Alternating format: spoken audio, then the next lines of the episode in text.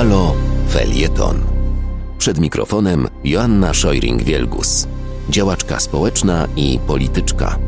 Witam, to ja, Joanna Szojring-Wielgus. Dzisiaj kilkadziesiąt sekund na temat represji wobec dziennikarzy, które mają miejsce właśnie w latach 2015-2021, czyli za czasów Prawa i Sprawiedliwości. To jest dosyć szczególny okres, ponieważ takich represji wobec wolnych mediów, wobec dziennikarzy wielu mediów jeszcze e, nie było w Polsce. Wczoraj na spotkaniu Międzyparlamentarnego Zespołu do Spraw Mediów Towarzystwo Dziennikarskie przedstawiło nam ten raport, który, powiem Wam szczerze, jest wstrząsający.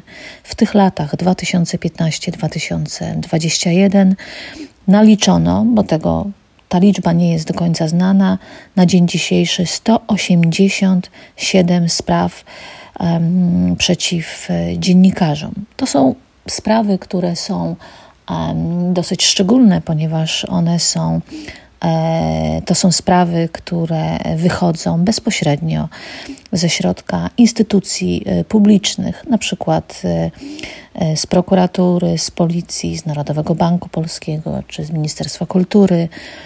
Bardzo dużo spraw jest ze spółek Skarbu Państwa, w tym oczywiście e, telewizja rządowa, e, ale też KGHM czy mm, e,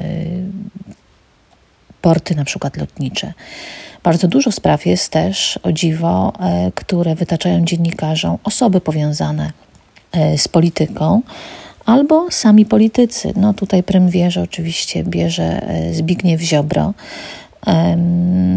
I rzecz, która uważam, że jest bardzo niebezpieczna i chyba nie zdarza się e, w europejskich krajach, to sprawy, które wytaczają przeciw dziennikarzom sędziowie czy prokuratorzy, którzy są z nominacji, z nominacji e, Prawa i Sprawiedliwości. Z tego raportu dowiedzieliśmy się też, że najczęściej e, atakowaną gazetą jest Gazeta Wyborcza atakowane jest Okopres, Tygodnik Polityka, stacja TVN i media związane z Ringer, Axel Springel, czyli Onet, Newsweek e, czy Fakt. No powiem Wam szczerze, że ten raport jest e, wstrząsający. Oczywiście to są sprawy związane z artykułem 212 z kodeksu karnego, chodzi o zniesławienie, ale to również są e, sprawy cywilne. I e, takie podsumowanie wczorajszego spotkania było takie, że chyba wszyscy ponad podziałami chcemy, aby ten artykuł 212 był zniesiony, i mam nadzieję, że do takiej sytuacji dojdzie ponad podziałami, bo chociażby na ostatniej Komisji Kultury również politycy z partii rządzącej byli za tym. I tym miłym akcentem życzę Wam miłego, słonecznego dnia i do usłyszenia za tydzień na www.haloradio ukośnik SOS. Wspieraj niezależne Halo Radio, które mówi wszystko. www.halo.radio